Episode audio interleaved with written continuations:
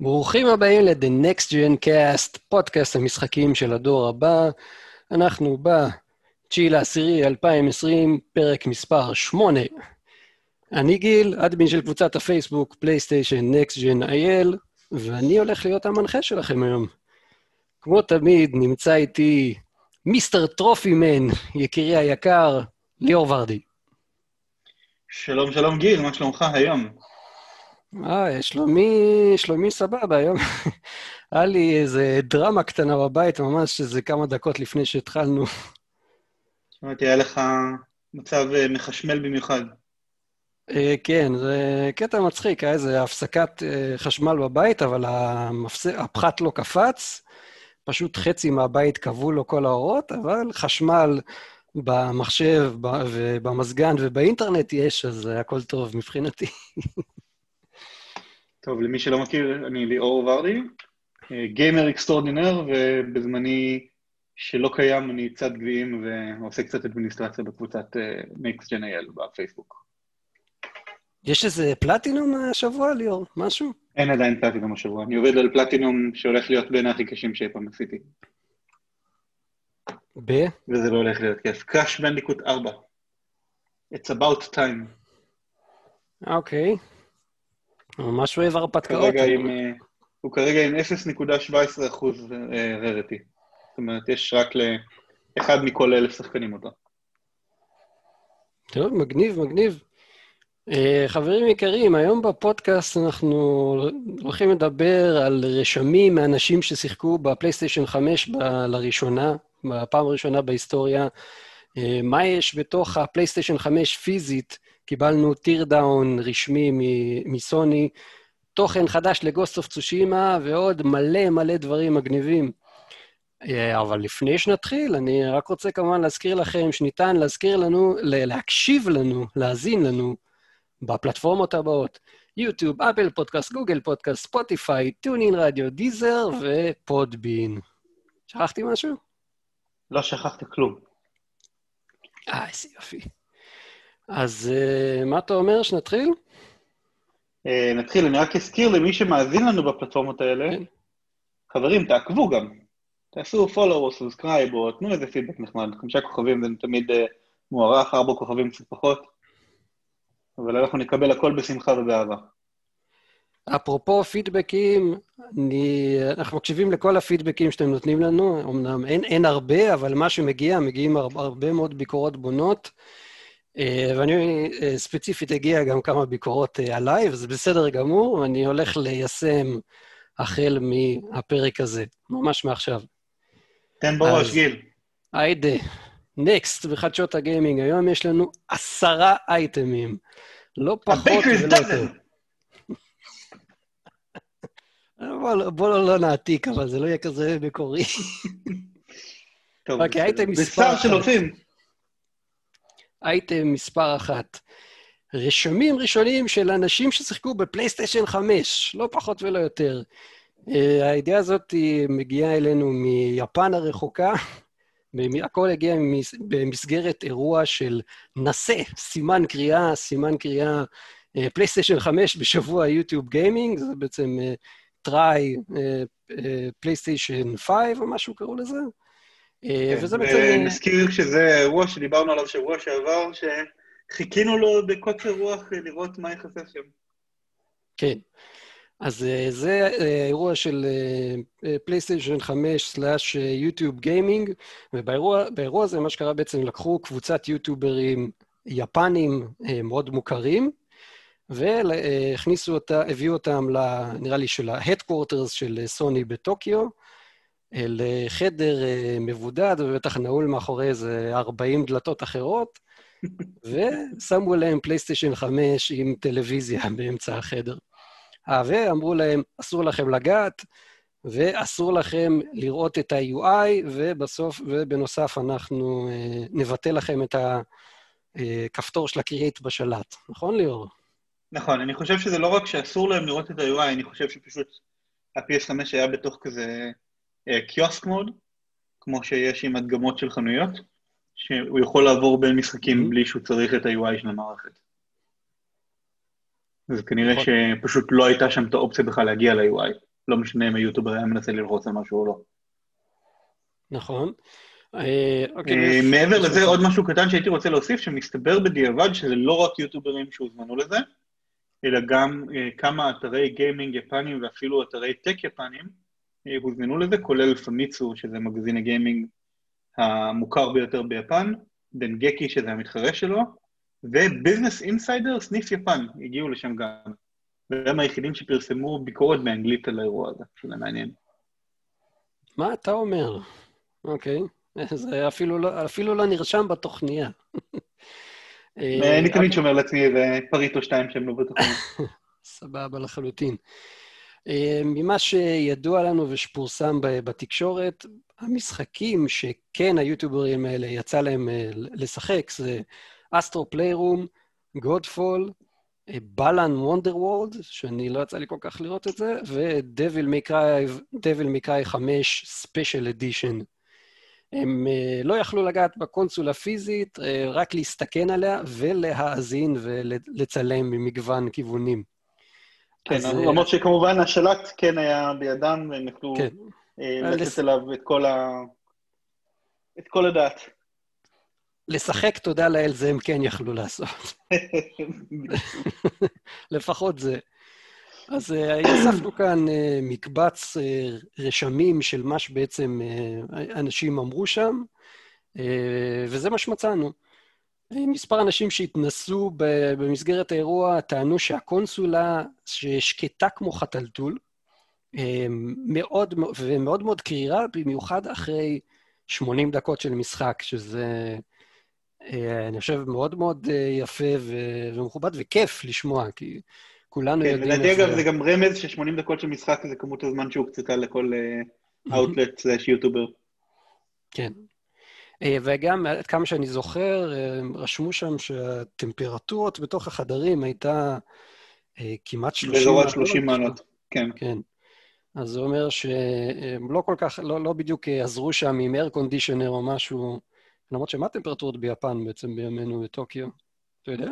וואו, כרגע אמור להיות שם חם. למרות שעכשיו כבר סתיו, אז אולי קצת פחות. אה, תן לי להגיד לך.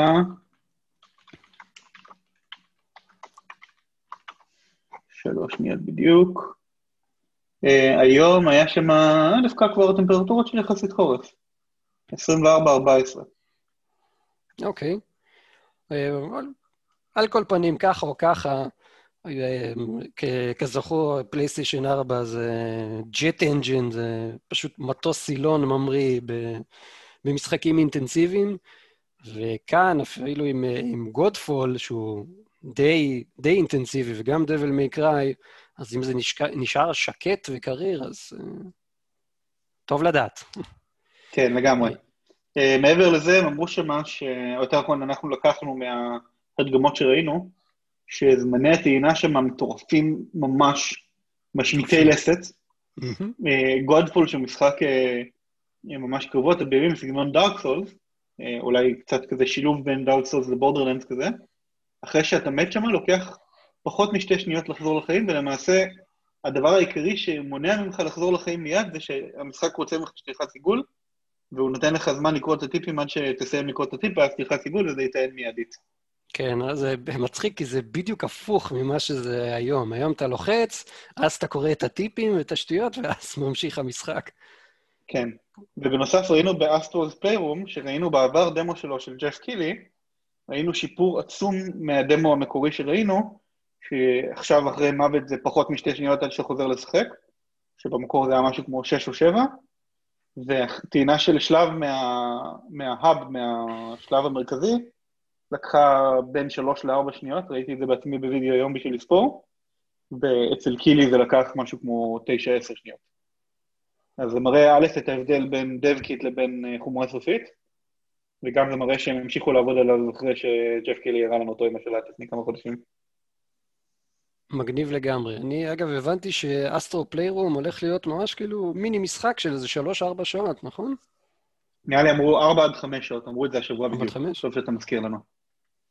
כן. אמרו ארבע גם... עולמות, אחד לכל אה, חלק בחומרה של ה-PS5, וכזה Cooling Beach ו Fan Island ו- GPU Hub וכל מיני שטויות כאלה. וביחד זה הולך להיות משהו כמו 4 עד 5 שעות. זה נחמד מאוד, אני ממש אהבתי את המשחק הקודם של אסטרו. וזה משחק גם שהגיע built-in עם, עם הקונסולה, נכון? כן, בחינם לכולם. מגניב, מגניב מאוד. רק בנוסף... נשאר לשמוע אם יש לו פלטיניום או לא. כמובן, מה נעשה בלי הפלטינום האלה, ליאור? תשמע, לאיזה פליירום VR כן היה פלטינום, אבל לפליירום המקורי של ה-PS4 לא היה. אוקיי. יש 50-50, או שיהיה או שלא יהיה. טוב, אנחנו ב-19 19 בנובמבר, אנחנו נדע. האמת שאנחנו נדע ב-12 בנובמבר, אני מניח. אה, נכון, אנשים כבר בטח יפרסמו רשמים, כן. אפילו בטח קצת לפני, כמו שהראפר ההוא שקיבל להתנסות עם הפלייסטיישן 5, וברח לי שמו, אבל בטוח עוד כמה קיבלו. Travis משהו, לא? כן, משהו Travis.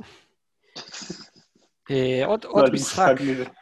כן, גם לי, גם אין לי מושג. אה, עוד, אה, עוד משחק של היוטיוברים היפנים יצא לשחק שם, היה Devil May Cry Special Edition, והוא נראה ממש ממש מרהיב. בייחוד עם ה-rate racing עכשיו, ש... עכשיו שזה הולך להיות משהו שנכנס חזק בדור הבא.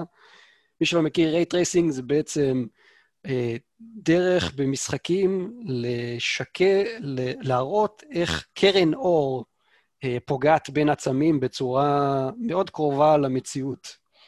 אה, ומה שזה, שזה עושה זה למשל יוצר השתקפויות בחלונות, השתקפויות בשלוליות, כל מיני דברים מאוד מאוד מגניבים כאלה. זה יוצר גם תאורה הרבה יותר מציאותית. אז uh, Devil May Cry Special Edition, uh, גרסה חדשה של Devil May Cry 5 בעצם, שהולכת uh, לעשות אה, שימוש מאוד מאוד חזק מזה לכבוד ה-Next Generation, אה, לכבוד הקונסולות של הדור הבא, ושם אנחנו יודעים גם שהולך להיות מצב, אה, מצב גרפי של 4K 30 FPS, או 1080 60 FPS, שני המצבים האלה יחד עם ray tracing בפנים, שזה מאוד יפה ומכובד, אני חושב.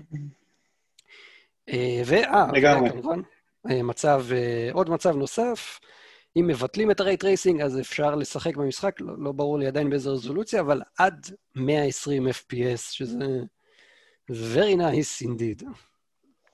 כן, זה אחד מתוך אה, כמה משחקים שיש לנו כבר ביציאה, שתומכים ב mode הזה של 120 FPS, ב-4K בין אם זה native או לא native.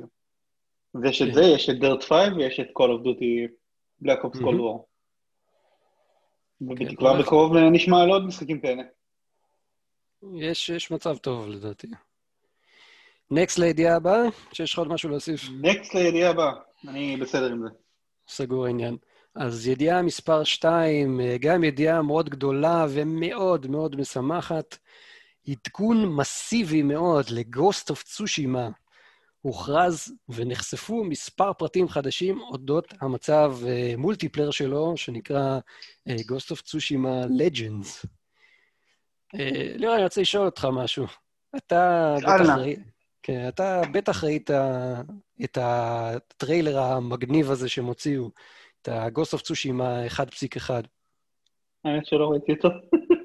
אני לא מאמין לך. קראתי פרטים ולא ראיתי את הטריילר. די, רציני? זה הורס לי כן, את כל הפאנדר פה, את כל ה... אני מתנצל, אני לפעמים אין לי סבלנות, אז לא טרחתי לראות את הטריילר המדובר. באמת?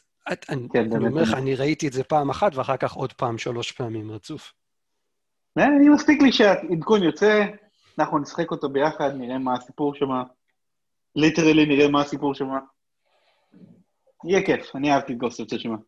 יהיה כיף, זה על בטוח. אני בכל אופן רוצה להמליץ לכל המאזינים שלנו, תעשו לרגע פאוזה לתוכנית, לכו ליוטיוב ותרשמו Ghost of Tsushima 1.1 ותראו את זה. שימו, שימו גם הדפונס, uh, uh, בתקווה שגם שיש לכם הדפונס טובים, אם זה בס טוב, אתם תהנו חבל על הזמן. אני נגנבתי לגמרי על הטריילר הזה.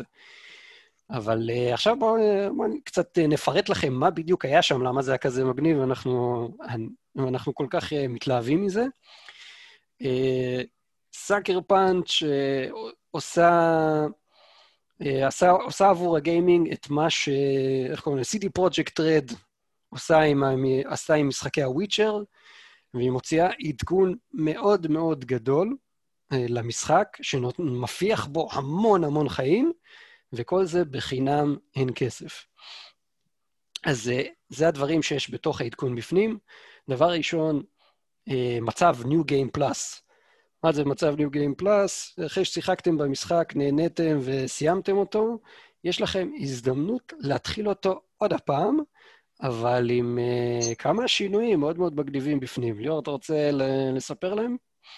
כן, אז קודם כל, New Game Plus כרגיל זה לקחת את כל הציוד ואת כל האקספריאנס שכבר יש לך, את כל הסקילים שכבר אספת, אבל להתחיל ברמת קושי חדשה שהיא כנראה משמעותית יותר קשה, ולהשיג דברים חדשים. ספציפית פה מדברים על סוס חדש עם אה, עוקף ורתמות וכל מיני סקינים חדשים שאפשר להשיג לו. אה, יש צ'ארמס חדשים שאפשר להשיג, כולל צ'ארם שמאפשר לך לגייס כלבים על ידי כך שאתה מלטף אותם, ואז יהיה לך צבא של כלבים שהם בני ברית. אה, יש שדרוגים חדשים לחרב, לקשת, לשריון. רגע, שנייה. יש טרופים חדשים, כנראה לא- טרופי על לנצח את הניו גיים פלוס. לא אמרת, אבל איך אתה מגייס את הכלבים, שזה הכי חשוב. אמרתי, אתה מלטף אותם. אתה מלטף אותם? אה, סורי, לא שמעתי. כן.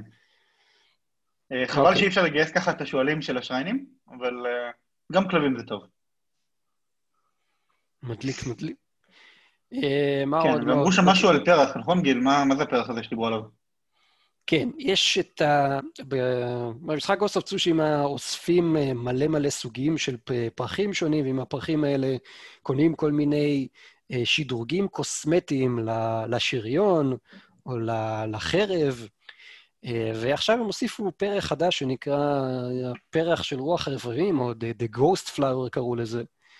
אז אה, ברגע שאוספים את הפרח הזה, יש מרצ'נט חדש, יש איזה סוחר עם מסכה דו-פרצופית כזאת מגניבה, איזה סוחר מסתורי כזה שמתחבא במשחק, ואם מביאים לו את הפרח הזה, אז מקבלים עוד אה, עיצובים ועוד אה, אה, קמעות חדשות, סליחה, קמע חדש, חדשים, סליחה.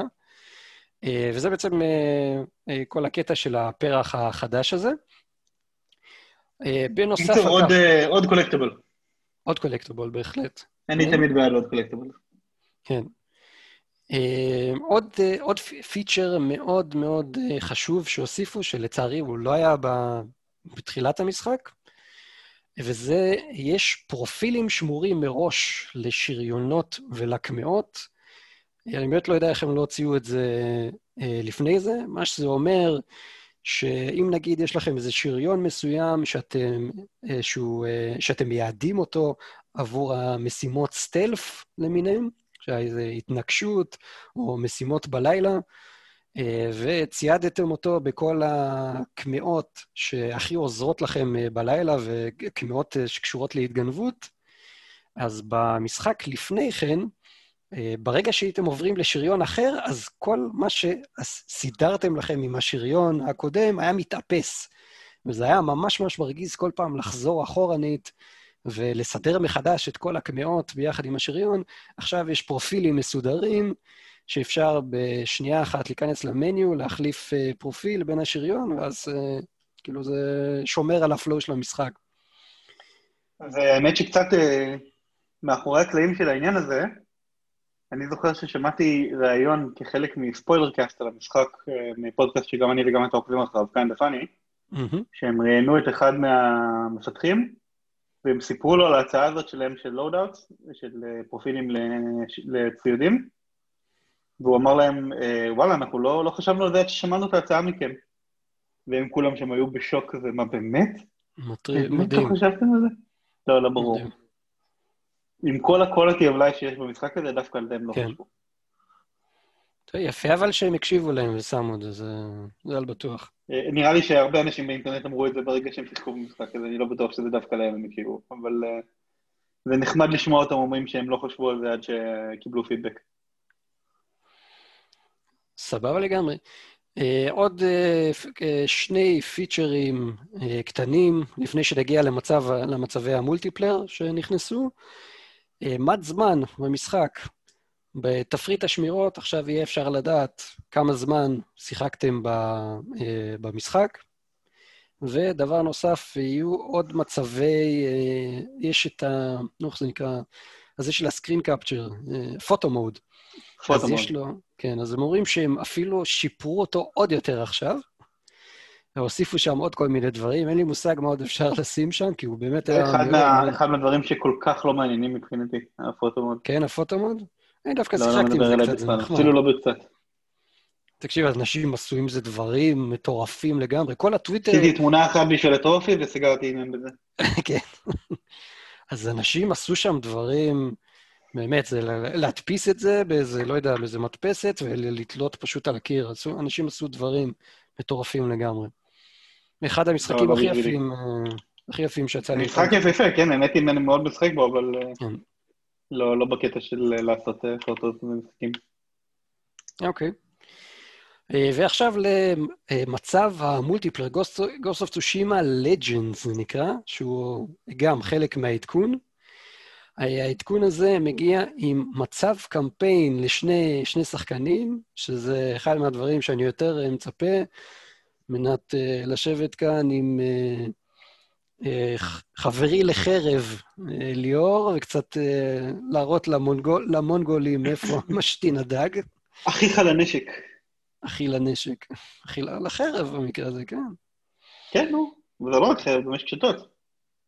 גם לקשת, כן. לקשת, לקונאי, לפצצת אש, או איך שזה לא קוראים לזה שם. כן, יש עוד uh, הרבה שדרוגים, אנחנו תכף נגיע לזה.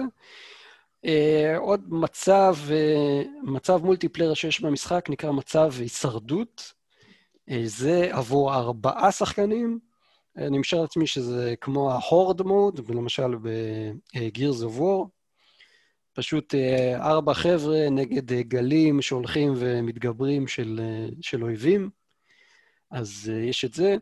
יש גם עוד מצב שנקרא מצב פשיטה, רייד, גם לארבעה שחקנים, ואומרים שזה ישוחרר אחרי הריליס הרשמי, קצת אחריו. במצב המשחק של, של, של הארבעה שחקנים, יש ארבעה קלאסים, מאיר, אתה רוצה לציין אותם? כן, אז יש לנו שם, אה, בגלל שה multiplayer הוא בעצם לא, הוא לא על ידי ג'ין אה, סאקאי שהוא הגיבור של המשחק, אלא הוא על ידי ה legend של האי, של Ghost of Tsushima, אז אה, שמים לך שם כל מיני קלאסים שונים שמתאימים ל legend האלה, שזה כמובן אה, סמוראי, צייד שהוא יותר מתמחה בקשתות, רונין שהוא כזה medic ו support class, ומתנקש slash assassin, שהוא, יש לו כל מיני יכולות התנקשות ועבודה מהצללים. סוג של נינג'ה בשם אחר. אה, נינג'ה שם ב Ghost of Tsushima לא יכול להיות. כן. זה מעניין שכזה לקחו... לקחו משחק שכל הרעיון הוא שיש לך דמות אחת שיכולה להחליף את האור שלה למה שאתה רוצה, ובמולטיפלייר הם יותר הדגישו את היכולות הספציפיות של כל אחד מהצדדים האפשריים של הדמות שלך. כן, אני רק, אה, רק אדגיש קצת, הסמוראי הוא הטנק מבין כל הקלאסים, הוא יכול אה, לספוג הרבה יותר מכות. הצייד או ההאנטר, אה, במקרה הזה, הוא הסוג של צלף, משתמש הרבה בחצים, יש לו איזו יכולת שנקראת, איך כתבתי את זה כאן? אוצ'יסטון. אוצ'יסטון אולטימט, כן. והוא יכול פשוט לראות מספר רב של חצים, על ראשים של האויבים שלו. לרונן הוא החובש, כמו, ש... כמו שליאור אמר, אה, והמתנקש יכול לשגר את עצמו ב teleport לכל מיני מקומות, ומשם לצנוח ו... לרצ... לצנוח ולרצוח, זה, נשמע נחמד, לצנוח ולרצוח. כן, נשמע טיפ-טיפה overpowered, אנחנו נקווה שזה מאוזן טוב. אה, אני, אני בטוח. אה, מעבר לכך, יש טונות על גבי טונות של קסטומיזציות וקוסמטיקות, מסכות חדשות, שריונות מפה ועוד הודעה חדשה, והכל עם אפס מיקרו-טרנזקציות, שזה לא פחות חשוב. את הכל אפשר להרוויח תוך כדי משחק. מגניב, מגניב. יאללה, שיצא כן. כבר העדכון הזה. זה עוד שבוע, לא? שבוע בדיוק היום, אם אני לא טועה. אה, מתי זה היה? רשמתי... לא רשמתי. נראה לי זה היה ב-19 לחודש? מתי זה היה? ב-16 לחודש, עוד שבוע מהיום. 16. אוקיי. מגניב. יש לך משהו להוסיף? אה, לא כל כך, לא. לא? רק שאני אהבתי מאוד את of Tsushima, ואני לא יודע אם מספיק בשביל לשחק אותו ב- New Game Plus, אולי על ה-PS5. אני, את האמת, זה גם, זה התכנון שלי גם, עם ה-New Game Plus עבור פלייסטיישן 5, אבל את ה- multiplayer אני בהחלט מוכן לנסות. אבל אני מקווה שגם יש להם איזשהם, אה, איזשהו patch לתמיכה ב-PS5 בדרך, או גרסת כן. PS5 נפרדת.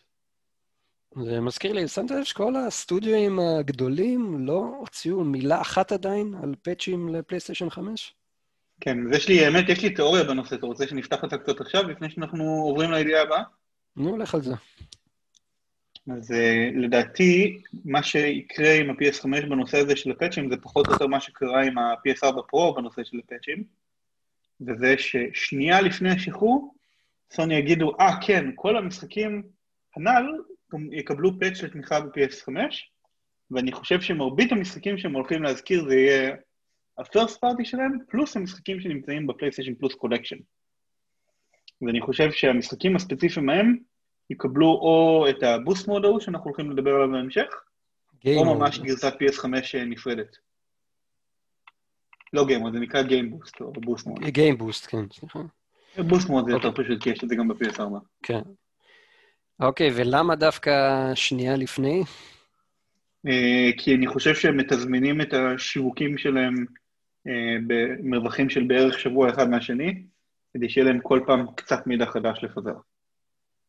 ועד עכשיו אנחנו חיכינו הרבה מאוד זמן עד שזה יתחיל השבועות האלה, וברגע שהם חשפו את המחיר לפני שבועיים ושלושה שבועות נראה לי אפילו כבר, הם פשוט לאט לאט התחילו לחשוף את הדברים. אז עכשיו ראינו קצת איך הקונסולה נראית, שמענו קצת חוויות, ראינו את הטרדאון, ולאט לאט אנחנו כל פעם מקבלים עוד ועוד מידע. אוקיי, okay. יש מצב שזה גם כדי לא לפגוע עדיין בשוק של, ה, של המשחקים האלה עבור הפלייסטיישן 4. אני חושב שברגע נראה לי שבנקודה הזאת של החודש לפני זה כבר אה, כל כך לא רלוונטי. אה, כאילו, אתה יודע, לי ולך זה מאוד שקוף שהם הולכים לעשות עם זה משהו, כי זה ה... אלה המשחקים, זה הסיסטם סלרס שלהם. אבל אה, אתה יודע, לאנשים אחרים אולי, אתה יודע, כאילו מסתכלים על דברים בצורה אחרת, שכאילו, המשחק כרגע נמצא לפלייסטיישן 4, אה, מה, הם לא הולכים להוציא לפלייסטיישן 5? טוב, אני אקנה לפלייסטיישן 4, נו, אין מה לעשות. אני... לא יודע, לא נראה לי שסני חושבים שהשחקנים שלהם טיפשים, אבל... נראה. אוקיי. יאללה, שידברו כבר. אוקיי, next לידיעה הבאה שלנו. הפלייסטיישן 5 יאפשר סאונד תלת-מימדי לא רק באוזניות, אלא גם ברמקולים מובנים של הטלוויזיה. אני אתחיל בקצת קצת recap למה זה, מה זה כל הדבר הזה אומר. אחד הפיצ'רים המרכזיים של פלייסטיישן 5 זה אודיו תלת-מימדי. מה זה אומר? אתם למשל, כשאתם יושבים לראות סרט, בין אם זה בקולנוע, או אם יש לכם מערכת קולנוע ביתית בבית, אתם בדרך כלל מוקפים בחמישה רמקולים לכל הפחות. יש גם uh, uh, כל מיני פורמטים של אודיו, כמו דולבי אטמוס, שמעלים את זה קצת, שזה קצת יותר מחמישה, אבל בכל אופן זה חמישה על מנת לקבל צליל היקפי שתוכלי לשמוע מאחורה, מקדימה ומלפנים. מה שאודיו תלת-מימדי בא לעשות, זה בעצם, אה, בגלל שיש לנו, לרובנו לפחות, רק זוג אוזניים, אז אנחנו לא צריכים יותר מזוג רמקולים, סך הכל, על מנת לשכפל את החוויה הזאת של, ה, אה, של האודיו ההיקפי, שמגיע גם מאחור, מהצדדים, מלמעלה למטה. וזה אה, דגש מאוד גדול שסוני הולכת לשים עליו בקונסולה. יש לה שם צ'יפ אה, שנקרא The Tempest, גם קוראים לזה The Tempest Engine. הוא נכון, שווה ערך... כן. הוא שווה ערך ל...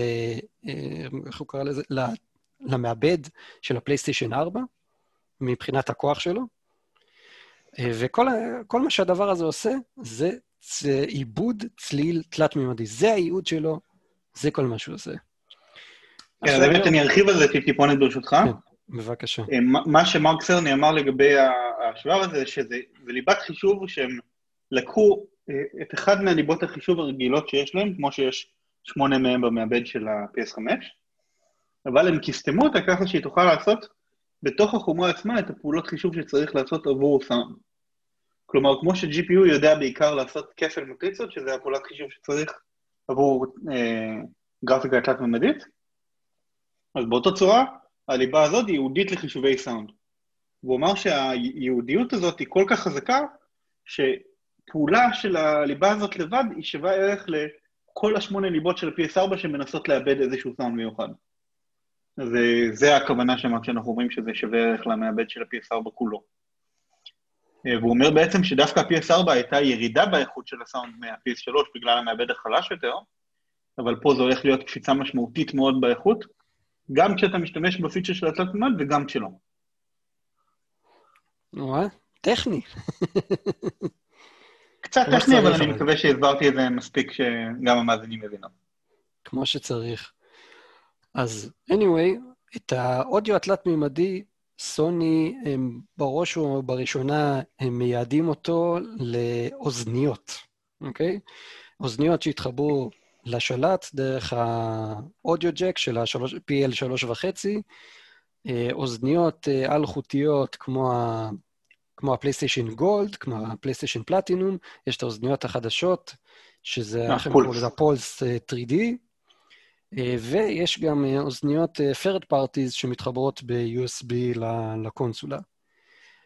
אז עכשיו, ליאור, בוא תספר לנו מה הם אומרים לנו עכשיו, מה הם הולכים להוסיף. הם אומרים שבזכות היכולות חישוב החדשות, הם יכולים לייצר סאונד שלמרות שהוא מגיע אליך מהטלוויזיה, הוא יתחשב בצורה של האוזן שלך ובמרחק שלך מהטלוויזיה, והוא יישמע לך כאילו הוא מגיע מסביבך. כלומר, מאחורה, מדהים. או מלמעלה או מלמטה וכן הלאה. שזה וכל זה תלוי באותה טכנולוגיה שמרק סרני דיבר עליה בהרצאה שלו במרץ, ב-GDC שלא בוצע, שזה נקרא Head Related Transfer Function. זה בעצם פונקציה שלוקחת בחשבון את הצורה של האוזן, בשביל לייצר סאונד שמזייף את החוויה של לשמוע משהו שמגיע מאחוריך נגיד. מדהים. סוג של מדהים. טכנולוגיה עתידנית. אגב, שמעתי שכבר היום יש לסוני אוזניות מסוימות שעושות את זה, ושיש אפליקציה בטלפונים שאתה יכול לצלם איתה את האוזן, ואז כן, האפליקציה כן. מתחשבת בצילום ומייצרת את הפונקציה הזאת. אה, יש להם, יש להם את האפליקציית מוזיקה שלהם, ששכחתי איך קוראים לה, אה, נראה לי איך הם קוראים לזה, סוני 360, או משהו כזה. אז אה, כן, יש להם איזה... נשמע שהם כבר התחילו להשתמש בטכנולוגיה הזאת. כן, כן, יש להם איזה... השירות מוזיקה שלהם, הוא ברח לי שמו. יש להם את השירות מוזיקה שלהם שהוא... סוני מיוזיק. יכול להיות. אני זוכר שראיתי בשביל איזה סרטון שזה שהוא תומך בזה, ומה שהאפליקציה עושה זה היא מצלמת לך את האוזן, והיא לוקחת לך, ואז היא לוקחת כל מיני שירים שיש בה...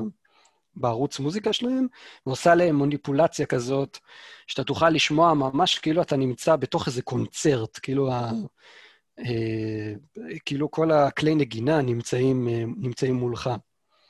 אז... אה, מדע בדיוני, אה, גיל? סליחה, לא שמעתי? אני אומר מדע בדיוני. אה, לגמרי. לגמרי. זה, זה באמת אחד הדברים שלא התקדמו כל כך בעולם הגיימינג. עד היום זה, זה הסאונד, ונראה שזה הכיוון. הם התקדמו הרבה בדורות ההתחלתיים, זה מהאתרי ל-NES לסופר נינטנדו ל-PS1, אבל מאז שיש לנו CD אודיו ב-PS1 לא היו שינויים דרסטיים לחלוטין. כן. בעיקר היה מעבר לאורקסטרה, אבל uh, כאילו זה פחות או יותר נשאר סטגנט למשך תקופה ארוכה, של כמעט 20 שנה אפילו, הייתי אומר. היו אה, כאילו דברים קטנים שהיו, היו למשל כל מיני משחקים ב-PC שתמכו בדולבי אטמוס. אני זוכר גם שבפלייסטיישן 3 בזמנו, שזה עשה הרבה רעש, המטאל גיר סוליד 3, לא, 4, נכון? 4 היה ב-PS3, כן. כן. אז מטאל גיר סוליד 4, הסאונד שם היה uncompressed, ואז, ואז הוא תפס את כל הבלו-ריי. אני זוכר שכאילו אנשים היו בהלם מזה. אני זוכר שזה היה משחק עם זמני טעינה של 15-16 דקות, משהו כזה. שהיית לא, בוהה במסך עם סנייק, סנייק אה, עומד ומעשן, והמשחק היה אומר לך שהוא מתקין את החלק הבא במשחק, וזה ייקח הרבה מאוד זמן. זה דווקא אני לא זוכר. סיימתי את אה, המשחק. חבל, זה אחד מהחוויות החזקות של Metal Gear Solid 4, זה להסתכל על המסכי התקנה האלה הארוכים. אוקיי, אם אתה אומר. כן. טוב, גיל, אתה תרשה לי לקחת מידיך את הידיעה הבאה? כן, בהחלט, בטח. אז אה, תן לנו את האות. Next. Next, ידיעה מספר 4. סוני סוף סוף פרסמו את סרטון ה- teardown של ה-PS5.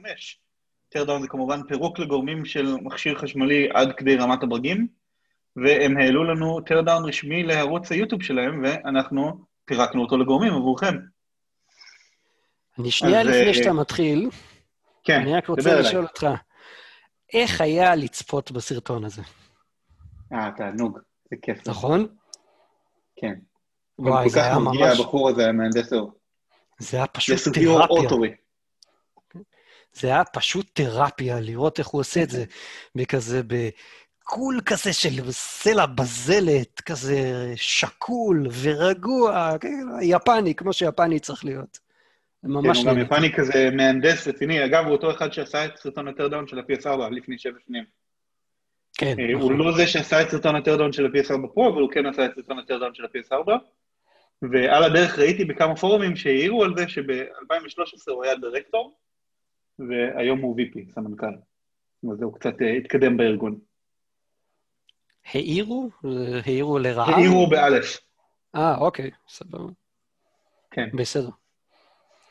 אה, טוב, אז אה, בזכות הפירוק ובזכות נינג'ות מהאינטרנט, אנחנו קיבלנו די הרבה פרטים חדשים על המכשיר, אז אה, ניתן לכם כמה סקירה קצרה עליהם. קודם כל, המעטפת החיצונית של המכשיר, כל החלק הלבן, הוא מתפרק בלי ברגים, הוא פשוט קלק, מוציא אותו החוצה, ואתה יכול לראות את הבפנים של המכשיר.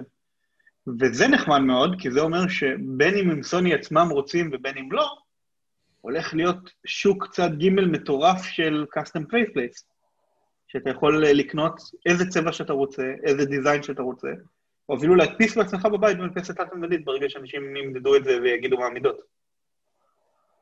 זה... וואי, זה חבל על הזמן. זה הול- הולך לעשות, כאילו, אתה יודע, ב... באינטרנט הסתובבו הרבה מאוד כל מיני אה, קסטו, קסטומים, קסטומיזציה שאנשים עשו עם פוטושופ אה, לקונסולה, עשו, עשו דברים מטורפים לחלוטין, כל מיני דברים של ספיידרמן וכאלה ושל אבנג'רס. אז אני עכשיו אפילו ראיתי באמת אחד עם פאנלים של. עץ. של מה? של... אה, מעץ. כן, גם אני ראיתי, כן. כן. מטורף לגמרי.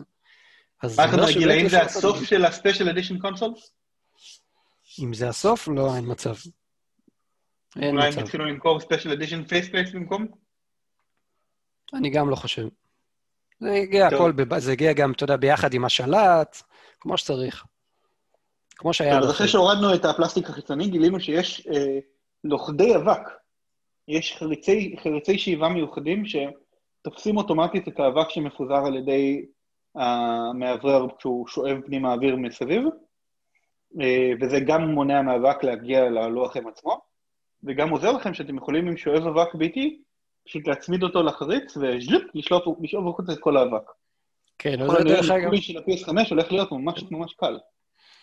כל שואב אבק, דרך אגב. כן, שלא תחשבו שתצטרכו איזה שואב קאסטום מייד, משהו של סוני, שיתאים דווקא לחריץ הזה או אחר. לא, כל שואב פשוט ה- אבק. לשואבים תמיד יש את השטות הזאת, אה, הערכה בשביל הפינות. נכון. זה בצורה אלכסונית. אתה. מצמיד את זה לפינה, מפעיל וז'ליפ, זהו, סיימת. מטורף. מטורף, פשוט state of the art הדבר הזה. כן, וגם אותו, תחת אותו מכסה, עוד בלי שפירקנו שום דבר אחר, כבר ראינו שיש את הסלוט הרחבה שדובר עליו רבות, לסטורג' נוסף מסוג אה, M2 NVMe SSD, וראינו שאפשר להגיע אליו עם בורג אחד בלבד שמרים איזשהו היט שילד שיושב מעל הסלוט.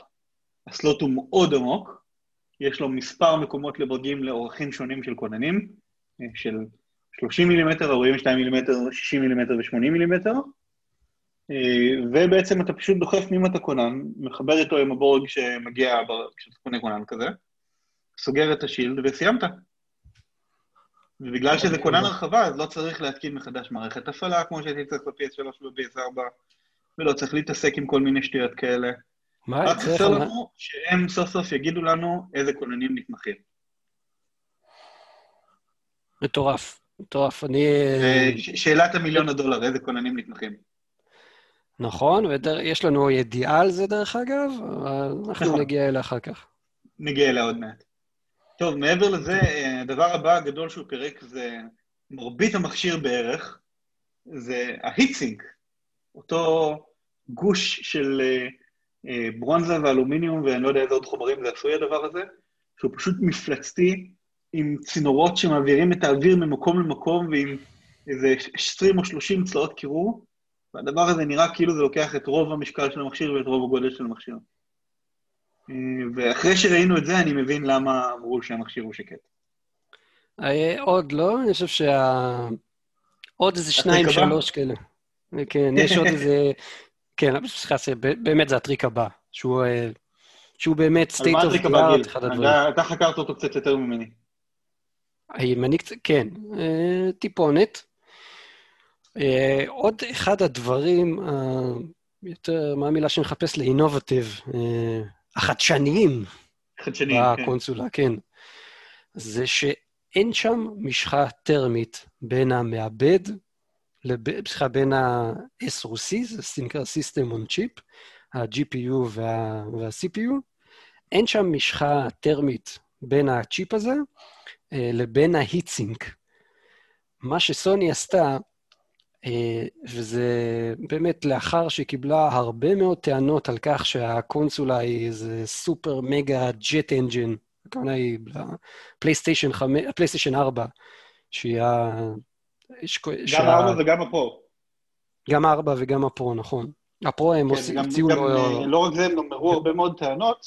אה, כל, כמעט כל פירוק שראיתי של BSR בפרו, של מישהו שכאילו שעשה פירוק לטובת ניקיון ושיפור מצב הרעש, אתה רואה שפשוט לא נשאר כלום מהמשחה הטרמית שהגיעה מהמפעל. וואלה. הכל התאדה okay. אוקיי. או הכל uh, זב הצידה. אז uh, מצחיק שאתה אומר את זה, למרות שבטח אמרת את זה בכוונה. אה, במקרה, במקרה. כן, במקרה, במקרה. מה שסוני עשתה כאן, אז היא החליפה את המשחה הטרמית במתכת נוזלית, אוקיי? הייתה איזה פטנט כזה שכולה את המתכת הנוזלית בין ה-SOC לבין, ה, לבין ההיטסינק, והתכונה בעצם המרכזית של המתכת הנוזלית זה שהיא מוליכת, מוליכה חום בהרבה, ביעילות הרבה יותר גבוהה מאשר סתם איזה משחה טרמית. אה, כן, וזה... כי זה מתכת, ומתכת כן. מותר להליך חום. נכון. אה, וזה, קודם כל זה ממש מגניב לראות את זה, איך שזה נראה. אה, וזה מאוד, הדבר הראשון שבאמת עלה לי לראש כשראיתי את זה, זה ה-T-1000 משליחות קטלנית. שליחות קטלנית 2. מגניב ברמות. כן, לגמרי. הם גם אמרו שזה לקח בערך שנתיים של פיתוח אה, לייצר את הדבר הזה. זה מטורף לגמרי. כן, אני מתאר לעצמי, למצוא איזה דרך לכלוא את זה בפנים ככה, כי אם זה מתפוצץ, זה לא הלכה הקונסולה. אם זה נוטף החוצה, זה יכול לעשות uh, קצר בקונסולה, יכול uh, להיות שם uh, צרות צרורות. כן, אז uh, מעניין מאוד איך, איך הם הולכים להגן על זה ראו קצת תמונות של איך זה נראה החלק שמגן על זה, אבל mm-hmm. זה נשמע, נשמע כמו עדיין מדע בדיוני. יש לך ו... מתכת נוזלית בתוך הקונסולה. כן. ואני אוסיף טוב, גם... טוב, אז נעבור מזה. אה, יש לך עוד מוסיף? כן, כן, רק עוד אה, שורה אחת רציתי להוסיף את זה. גם אה, הרבה קהילות PC שראיתי, אה, אנשים שם ממש ממש עפו על זה. ממש ממש התלהבו. אוקיי, אפשר... טוב, יאללה, שיגיע כבר, כן. כן. אז אה, ליד הסיסטם on chip יש לנו את הכונן הפנימי, שהוא לא באמת כונן פנימי, מה הכוונה בזה? אה, כמו שרמזתי כמה פעמים ושיערתי לעצמי וחיכיתי לראות את האישור לזה, ה-SSD הפנימי הוא לא בתצורה של כונן, אלא הוא פשוט מוטבע על הלוח אם. יש לך שם שישה שבבים של 128 ג'יגה בייט אה, בינארי כל אחד. שישה שנראים כמו שלושה, יש לציין. כן, הם נראים כמו שלושה כי הם מחוברים בכזה קונסטלציה כזאת של זוגות.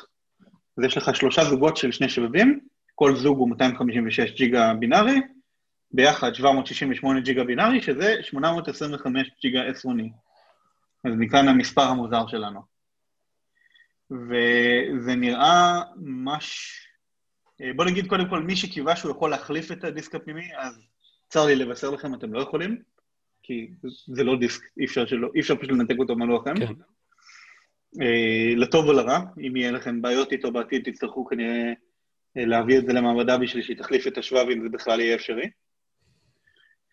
אה, אבל מה שכן, זה אומר שהם עבדו על זה קשה, אה, כי הם בנו את זה בצורה מאוד מאוד ספציפית, עם באסים ספציפיים של העברת מידע שעוברים משבב לשבב, ועם השבב ה-custom chip שלהם שיושב באמצע ומנגן על כל הסיפור, ושש עדיפויות לקריאה כתיבה שאתה יכול באמצע פעולת קריאה כבדה להגיד, טוב, אני רוצה רגע לנגן דיאלוג, אז אני אקרא קובץ קטן ממקום אחר בדיסק, אבל תן לי אותו בעדיפות גבוהה יותר, וכל הדבר הזה זה כמעט יותר חדש מכל דבר שקיים היום ב-PC.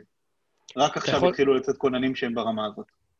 אתה יכול לנחש למה הם לא השתמשו באיזה כונן אה, אה, NVMe, כמו שיש ב-Xbox Series X, ולמה הם דווקא השתמשו בצ'יפים on board במקום?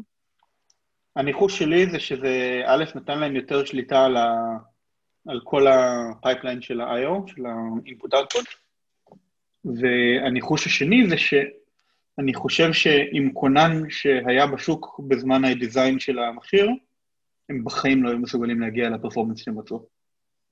אז הם היו חייבים ללכת על embedded flash ולייצר בעצמם כונן נכון, נכון. רק עכשיו באמת התחילו לצאת כוננים שמשתווים לכונן הזה.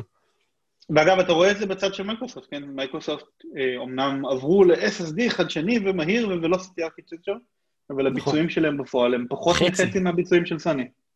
פחות מחצי אפילו. 2.4 כן. לעומת 5.5, זה טירוף מוחלט.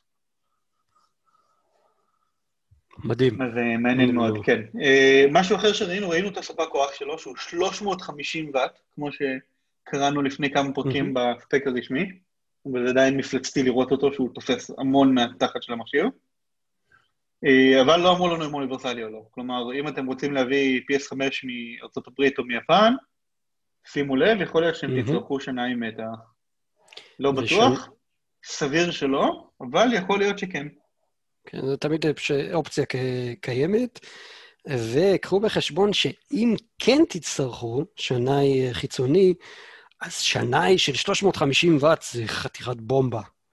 אז האמת שיש לי כזה, כי ה-PS3 שלי היה מארצות הברית מיובא מאמזון, ולא רציתי להסתכן בזה שהוא אוניברסלי כי לא כתוב עליו שהוא אוניברסלי.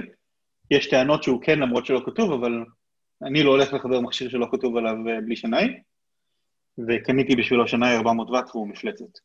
הוא שוקל איזה 5 קילו השנאי הזה. הוא גם עלה איזה 400 שקל. הוא צריך אה, מזנון בשביל עצמו. לא, לא, הוא יושב על הרצפה ליד המזנון. אוקיי. אה, סבבה כן, לגמרי. טוב, ופריט מידע אחרון, תוך כדי ה teardown הם כזה הזכירו ממש בקטנה שיש להם Wi-Fi 6, ה-802.11AX, ובלוטוס 5.1. שהם הזכירו את זה נורא בקטנה, אבל זה לא כל כך בקטנה, כי לאקסבוקס אין את הדברים האלה.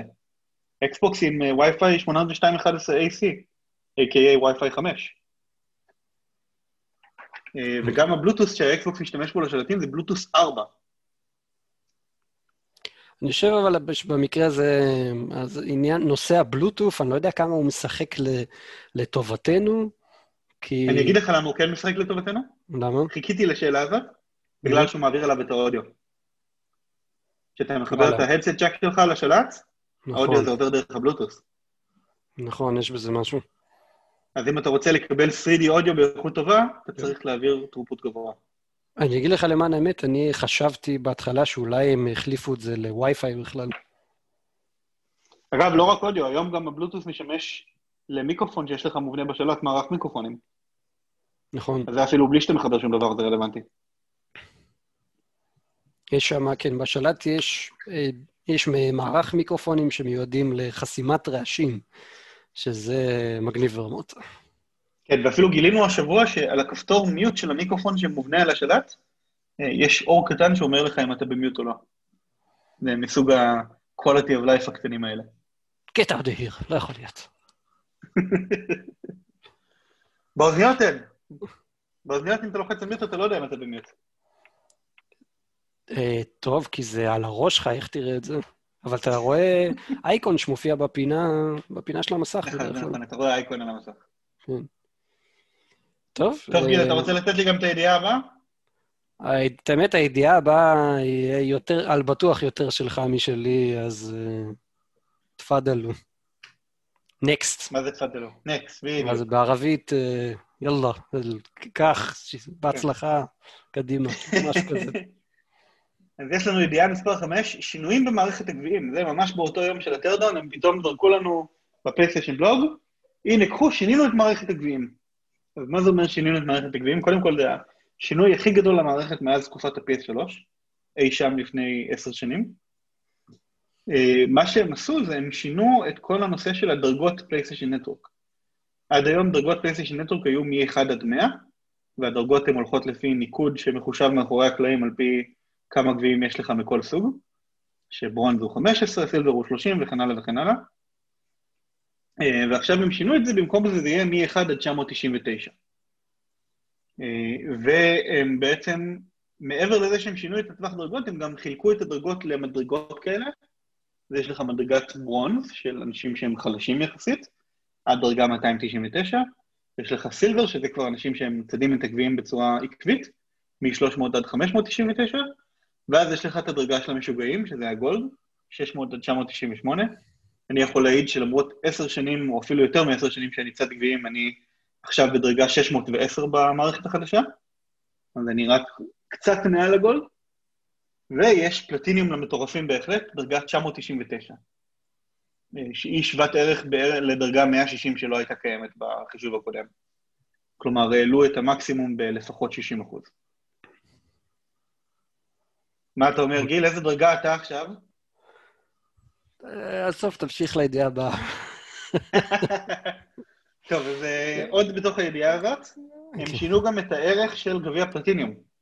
עד היום גביע פלטיניום היה שווה 180 נקודות, שזה 12 גביעי ברונז, ומהיום הוא יהיה שווה 300 נקודות, שזה 20 גביעי ברונז. Mm-hmm. אז אם אתם מסוג האנשים שמוכרחים לעשות פלטיניום בכל משחק, והתעצמנתם על זה שחבר שלכם שמשחק קצת בכל משחק, בהרבה משחקים, הוא מעליכם בדרגה של ה-PSN, יכול להיות שעכשיו עברתם אותו. Mm. אה, כן. זה נחמד. יחד עם זה, החבר'ה של ה-PSN פרופיילס כבר הספיקו לעשות קצת reverse engineering למערכת החדשה, אז אנחנו יודעים כמה נקודות צריך לכל דרגה. אז uh, מדרגות 1 עד 999 זה רק 60 נקודות לדרגה, שזה 4 גביעי bronze, זה ממש כלום, אתה משחק 5 דקות ויש לך את זה. ומשם זה עולה ל-90 נקודות לדרגה, 450 נקודות לדרגה, 900, 1,350, 1,800, ובסוף בסוף בסוף 3,600 נקודות לכל דרגה.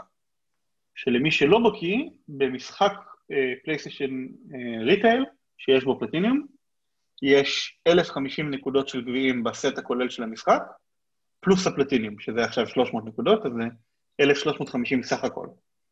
אז בשביל לעלות דרגה אחת בטווח של בין 900 ל-999, צריך לעשות שלוש פלטיניומים מלאים.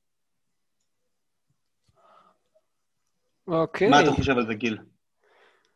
אה, זה, את האמת, זה הרבה מאוד, אה, הרבה מאוד אה, שינויים ש... שהכניסו למערכת הזאת שלא חשבתי שיקרו, אבל השינוי, השינוי הבא, אני חושב שהוא, שהוא הרבה יותר מדבר לשחקנים היותר ממוצעים, כולל אני, שאני שחקן קצת יותר קזואלי מבחינת גביעים לפחות. יכול להיות. אז השינוי הבא זה שינוי שהם לא התכוונו בכלל לחשוף, הם חשפו אותו בטעות. אתה רוצה אגב אתה לספר לנו עליו? ראיתי כן, אני אספר עליו, כי הוא קצת, באמת הוא קצת יותר באלי שלי. אמ, כש, כשהייתם מנסים להרוויח איזה גביע או משהו, יש את הגביעים הכי uh, משעממים ובנאליים של, נגיד, תהרוג 100 אויבים או איזה משהו כזה, ואז אתה עכשיו, לא יודע, משחק איזה שעה, שעתיים, אתה לא יודע כמה, כמה אויבים באמת הרגת, אה, אתה כאילו מסתכל על הזמן, כמה זמן עבר, כמה שיחקת, אתה לא יודע, אתה לא יודע איפה אתה נמצא. אז מה שהם הולכים להכניס זה, זה אה, כנראה tracking לגביעים, שיגידו לך מה הסטטוס שלך בגביע הזה, כמה אתה קרוב לה, להרוויח אותו, אה, כמה אנשים הרגת לצורך העניין לפני שאתה מגיע למאה, שזה ממש ממש מגניב. זה, אני חושב שזה גם... Uh, אה, זה יביא עוד אנשים ל... ל... להתחיל לרדוף אחרי גביעים, אני מקווה מאוד. כן, לרדוף אחרי גביעים. האמת שזה feature שבסטים ובאקסבוקס Live זה כבר היה קיים הרבה מאוד שנים. אני חושב שבאקסבוקס Live זה היה קיים מההתחלה. אז אה, טוב שסוני נזכרו לתת לנו אותו, לא ברור למה זה לא קרה כשה-PS4 יצא. אבל uh, better late than never. מגניב לגמרי. looking forward to it, סך הכל. next לידיעה הבאה. אני בודק לך באיזה דרגה אתה בחישוב החדש, גיל. אה, הנה, באמת. כן, יאללה, נקסט לידיעה הבאה. אוקיי, ידיעה מספר 6. שינויים עצומים הולכים להיכנס לחנות ה-PSN, בממשק הדפדפן והאפליקציה, ויש סיכויים גם שיש לנו חנות חדשה בדרך לפלייסטיישן 5. כל זה מגיע מ... נראה... אה, כן, זה מייל שנשלח לפרטנרים של פלייסטיישן, כנראה למפיצים למיניהם. אה, סוני שולחת למפיצים שלה, אה, אני לא איפה זה היה, כן, אה, במייל הזה נרשם שתבוטל היכולת לרכוש משחקי PS Vita, PSP ופלייסטיישן 3, אבל עדיין יהיה ניתן לרכוש אותם דרך החנות PSN בפלייסטיישן 3 ובוויטה. תבוטל היכולת לקנות Themes של פלייסטיישן 4 ופלייסטיישן 3, וכן, avatars, ומה שם... אבטאר, אה כן, אבטאר שזה התמונות של, ב-PSN של המשתמש. פיצ'ר ה-wish list שנמצא כרגע בחנות בגרסת הרשת, אז גם הוא לא יהיה זמין יותר. זה מבחינת הפיצ'רים שאנחנו יודעים שהולכים להיעלם. כן, וכל זה קורה ב-19 לחודש עבור גרסת הרשת, וב-28 לחודש עבור גרסת האפליקציה. יפה. ליאור, מה אתה חושב שזה אומר לנו, הדבר הזה? נראה לי שזה אומר לנו דבר אחד בלבד, וזה שהם רוצים שלא יהיה יותר תוכן שאנשים קונים ואז הם צריכים להחזיר אותו כי הוא לא מתאים להם. נראה לי שזו בעיה מאוד רצינית עם החנות של הדפדפן כמו שהיא היום. אנשים נכנסים, מחפשים מזל גרסוליד, רואים, או וואו, מזל גרסוליד 4, בום, קונים, שיט, זה ל-PS3. אבל אין לי PS3. ואז צריך להתקשר לאיספר או לתמיכה של סוני, ולשאול אותם, אני יכול בבקשה לקבל החזר? כי אין הרי אופציה להחזר מובנה בחנות, כי סוני עוד לא התקדמו למאה ה-21. וכל הסיפור הזה זה זוועה אחת גדולה, אז במקום זה עכשיו בחנות יהיה אך ורק תוכן שתואם את ה-PS5. אז למה דווקא עכשיו? למה רק עכשיו? כי עומד לצאת PS5. לדעתי זה יבוא גם עם שינוי תצורה של החנות, החנות תהיה יפה יותר. מקווה. בכל זאת עברו איזה עשר שנים מאז שעיצבו את החנות הנוכחית. Hmm. כן, אולי באמת הגיע הזמן. זה לא, לא עבר הרבה שינויים מאז, כן, מה זה פלייסטיישן 3, סך הכל. החנות הנוכחית עוצבה קצת לפני היציאה של ה-PS4. בגרסת הדפדפן, כאילו.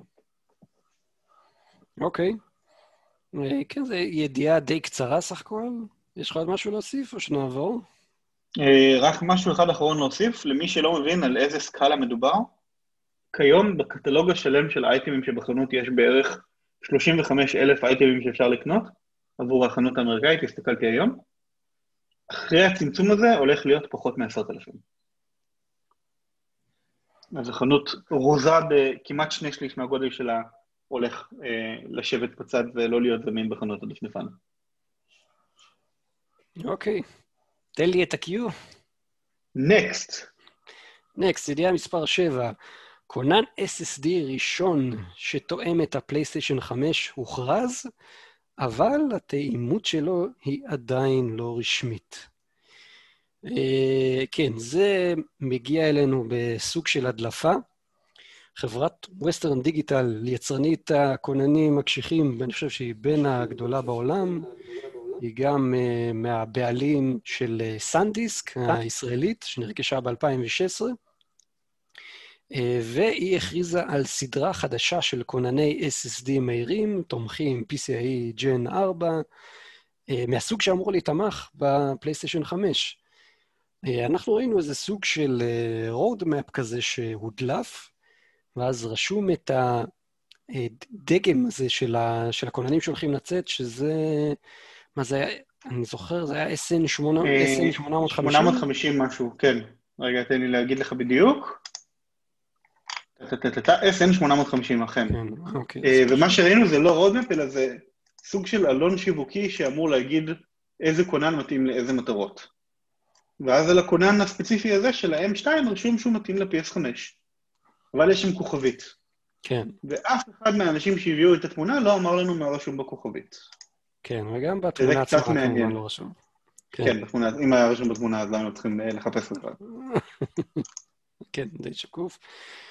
אמ, הכונן הזה מגיע בשלושה גדלים, 500 ג'יגה, 1 טרה, 2 טראבייט, כאשר יש ביניהם הבדל משמעותי במהירויות הכתיבה, 4,100 מגה בייט בשנייה, 5,300 ו-5,100. כן, מה שאומר שכדאי לקנות את ה-1 טרה, אם אתם רוצים את הביצועים הטובים ביותר. כן, למרות שבכולם מהירות הקריאה, שזה תכלס המהירות הכי קריטית עבור, אה, עבור המשחקים, אה, והיא, כן, זה 7,000 מגה בשנייה. שזה תיאורטית, זה ב-1.5 ג'יגה בייט יותר מהר מהכונן של ה-PS5 הפנימי, אבל בגלל שאין לו את כל המשחקי עדיפות שיש לכונן הפנימי, אנחנו עדיין לא יודעים ב-100% שזה בסדר, מן הסתם סדר להניח שזה בסדר. לדעתי האישית, לא רק שזה בסדר, אני חושב שגם כוננים איטיים יותר, שהם לכיוון ה-5,000 בקריאה, הם גם כן יעבדו, פשוט יעבדו טיפ-טיפה פחות, אה, פחות מהר. ולדעתי הם יתמכו, אבל uh, סוני לא אומרים כלום. Uh, סוני, אולי תגידו לנו מה נתמך? המחירים של הכוננים האלה יקרים, אך לא בשמיים יחסית למהירויות המדוברות. זה 150 דולר, 230 ו-450 דולר בהתאמה. אמ, רצוי לציין גם שאנחנו ראינו עוד כונן שהוא מאוד אה, דומה בביצועים שלו לכונן הזה, וזה ה-800, סליחה, ה-980 פרו של סמסונג. של סמסונג, כן. הוא גם הגיע עם ספקס אה, מאוד מאוד דומים, וגם במחיר דומה. הוא עלה 200, כן, 229, 230 לאחד טרה, כן. כן, אז אה, בדיוק כמו פה. ושם גם יש אופציה של רבע טרה. אלוהים יודע למה שתרצה כזה דבר. אופציה של? של 250 ג'יגה. אה, אמ, כן, אני את האמת לא יודע מי ייקח את זה. לא ברור לי גם. בקיצור, אם אתם רוצים לשלם מחיר של קצת פחות מקונסולת PS4 נוספת, סליחה, PS5 נוספת, אז אתם יכולים להוסיף לכם 2 טראבייט, ואז יהיה לכם אה, הרבה הרבה הרבה יותר מספיק מקום בשביל הכל. מגניב ברמות. next לידיעה הבאה. next. next לידיעה הבאה. היה מספר 8. משחקי פלייסטיישן 5 חדשים הוכרזו, כולל משחקי השקה חדשים. משחק, משחק האינדי, Bugsnax, שהוכרז במקור באירוע החשיפה של הפלייסטיישן 5 ביוני, הוכרז סוף סוף ככותר השקה, יחד עם הכרזה על כך שהוא סוף סוף מוזהב. כלומר, הגיע אה, לגרסה הסופית והוא יוצא ל mass production, או במקרה הזה, בגלל שהוא דיגיטלי, הוא פשוט יוצא להפצה דיגיטלית. certification על ידי סוני. כן. אה, והמשחק, והמשחק יעלה 25 אה, דולר ויהיה להורדה בלבד. כן, זה נותן לנו עוד משחק שהוא דאונלוד אונלי לפייס 5. נכון. Uh, עוד משחק uh, מאוד פופולרי שמקבל גם uh, שדרוג מתנה לפלייסטיישן 5, שדרוג חינם, מורטל קומבט 11. Uh, והוא מגיע, עם שדרוג מתנה לבעלי גרסת הפלייסטיישן 4. הגרסה החדשה תצא ב-17 בנובמבר, בין השקה האמריקאית להשקה האירופאית. ותגיע במקבול לשחרור גם עם דמויות חדשות, שאם, דרך אגב, אם לא ראיתם את הטריילר עדיין, אז אה, אה, נחמד מאוד. אז יש לנו עוד שלושה דמויות חדשות שמצטרפות לרוסטר האדיר הזה של, של מורטל קומבט 11. מלינה, אה, ריין, מה... הוא היה בעשר? לא, הוא היה בתשע, נכון? ריין היה כן, הוא גם היה במורטל קומבט טרילוגי במקום, אם אתה זוכר. הגרסה המורחבת של מורטל קומבט 3. שם הוא פשוט נראה כמו סאב-זירו וסקופים, רק בצבע סגול. אה, יש מצב, יש מצב טוב. ריין היה בתשע אדיר. אני זוכר, זו בעיטה כזאת שמעיפה אותך לקצה השני של, ה... של המסך, ואז מוציאה אותך מהקצה הראשון עוד הפעם. היה ממש אחלה דמות. והדמות השלישית שעוד לא הזכרתי היא רמבו. הרמבו. כן. אני מת לדעת הולכים לעשות עם רמבו שם. מת לדעת מה הולכים לעשות איתו. ויותר מזה, אה, לשחק עם רמבו נגד הטרמינטור, שזה חלום ילדות. כן, ויש הרבה מצ'אפים מעניינים עם מורטל קומבט 11. יפ, אה. לא, לא לגמרי ברור לי. עכשיו אתה יכול לשחק עם רמבו נגד רובוקופ, ועם רמבו נגד הג'וקר, ועם הג'וקר נגד הטרמינטור, ועם הטרמינטור נגד ספון, ואיפה הדמויות של מורטל קומבט, אלוהים יודע. אבל זה, זה מגניב. מגניב בספר, אין ספק שזה מגניב, לגמרי. טוב, המשחק השלישי שהכריזו לנו אותו זה גרסת PS5 ל-For Honor. For Honor כידוע זה משחק האבירים מרובי המשתתפים של יוביסופט, שחלק יגידו שהוא מצליח וחלק פחות. אני חושב שהוא בעונה רביעית כבר שלו, והוא יהיה חינם, שדרוג חינם לכל מי שיש לו את המשחק ל-PS4. אז נחמד מאוד. גיל, אתה שיחקת פורונור? אני חושב ששיחקתי ממש ממש קצת, וגם באיזה גרסת אלפא, באיזה תערוכה שהייתי פעם. אה, אם הוא היה לא- ב-4K 60 FPS ובחינם, היית משחק בו? אני חושב שגם עכשיו, יש לי אותו, יש אותו חינם גם בסטים וב-PC, בכל החנויות כמעט, אני חושב שיש אותו בחינם, אפילו ביוביסופט, בחנות שלהם, ב Uplay. אמ, אני לא יודע, זה פשוט לא, לא כזה עניין אותי, melee של אבירים, לא, לא יודע, לא כזה קרץ לי. 4K, לא 4K. אני אגיד לך את האמת, ה trailer של המשחק הזה במקור, הלהיב אותי ברמות מטורפות עד שאמרו multiplayer. ואז אני shit, לא מעניין. זה צריך להיות... אפילו הייתי אומר שהייתי מסתכל על ה trailer ואומר, next!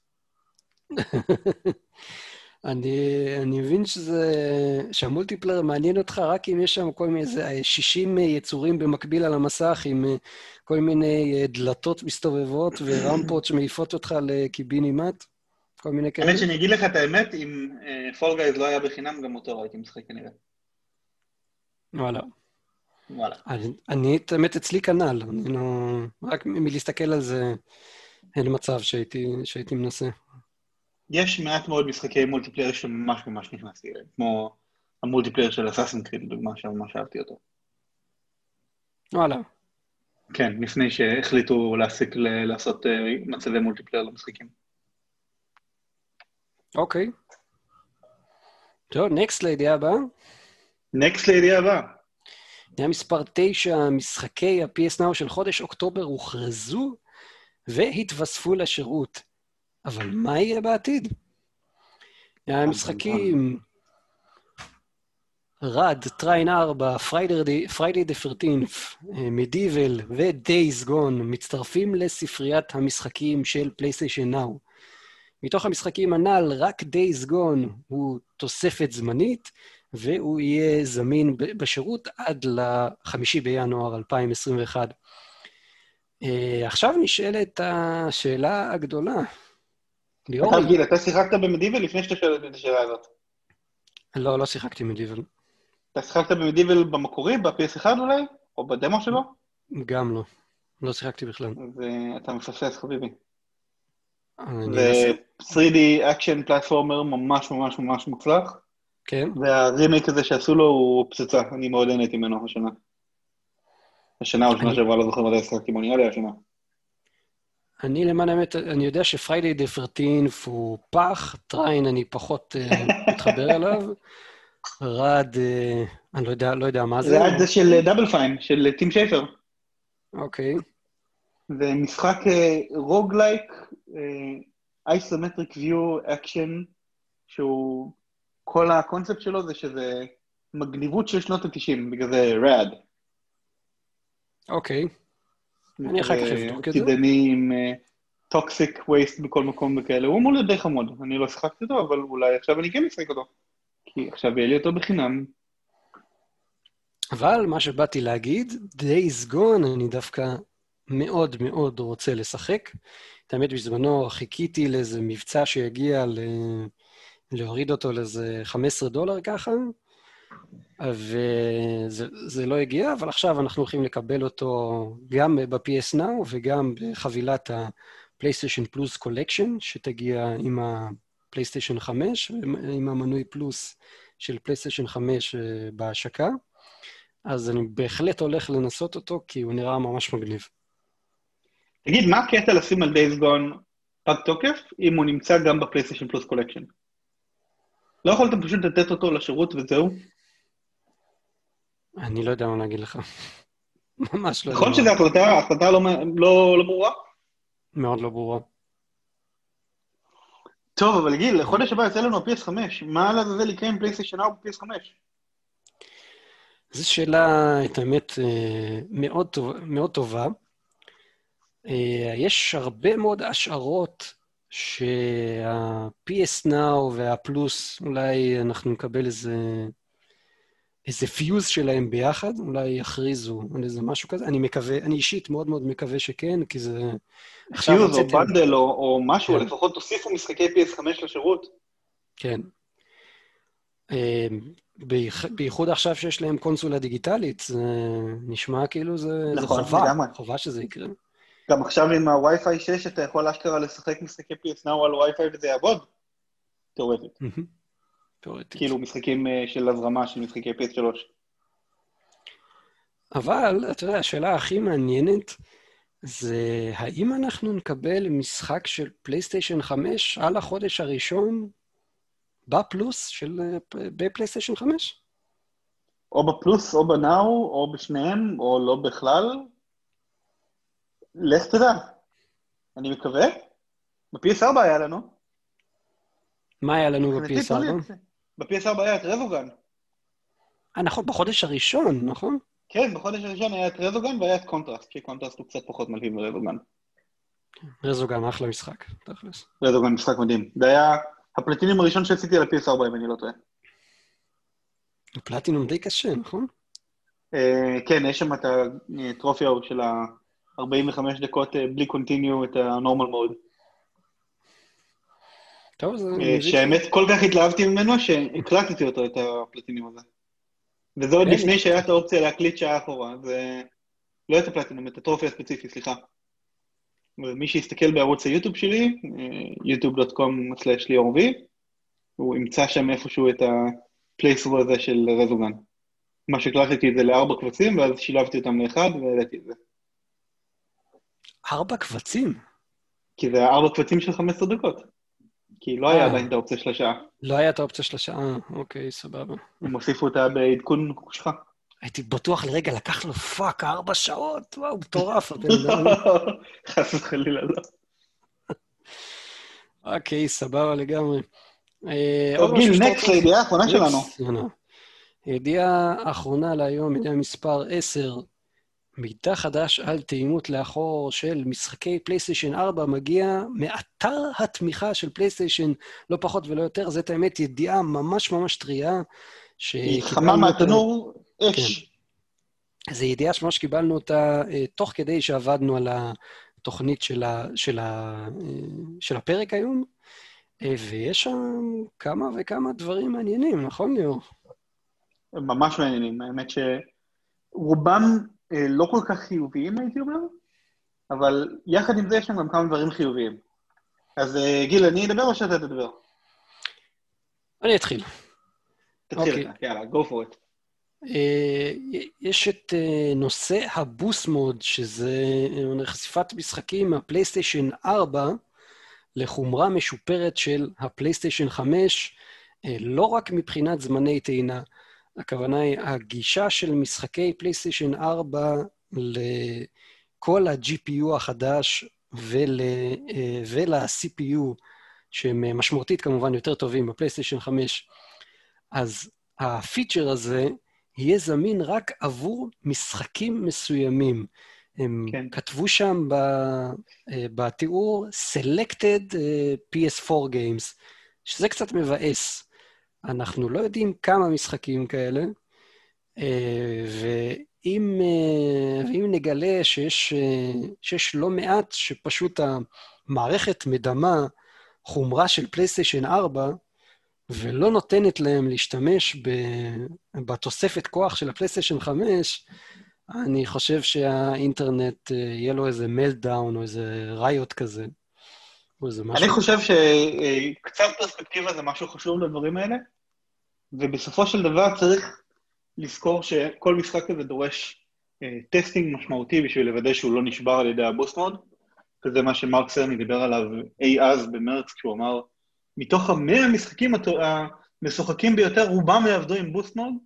הוא לא אמר את זה במילים האלה, אבל עכשיו שלכאורה, בדיעבד אנחנו יודעים איזה מצבי תמיכה לאחור יש, אז כנראה שהוא התכוון ש... לפחות 100 המשחקים המשחקים ביותר אמורים לעבוד עם המצב הזה. כן, אני רק אה, אוסיף... וגם השאלה הנוספת זה כמה משחקים יש כאלה אצל מייקרוסופט. האם גם אצל מייקרוסופט הכל עובד עם ה Boost Mode או רק חלק?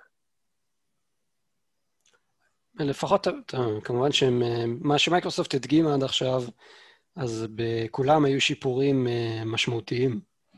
נכון, אבל כמה משחקים הם הדגימו? 20? 30? נראה לי הרי פחות מזה. נו, זה לא כל הספרייה. כן, כן, אתה צודק לגמרי. הם משרים את התחושה שזה בכל הספרייה, אבל אם זה כל כך, אם זה כל כך קל לגרום, סליחה, אם זה כל כך קל לגרום למשחקי אה, דור קודם, מהדור הקודם של המעבדים של AMD לעבוד על הדור החדש, אז למה סוני מתקשים עם זה? אז יש לי הרגשה שאם סוני יתקשו עם זה, גם כנראה שמייקרוסופט יתקשו עם זה. כן, ורצוי גם לציין שאנחנו עדיין לא יודעים באמת כמה ואם הם באמת מתקשים עם זה. אה, עד, ש... עד שהקונסולה נדע כנראה, ש... תצא... עד שהקונסולה לא תצא, אנחנו כנראה לא נדע.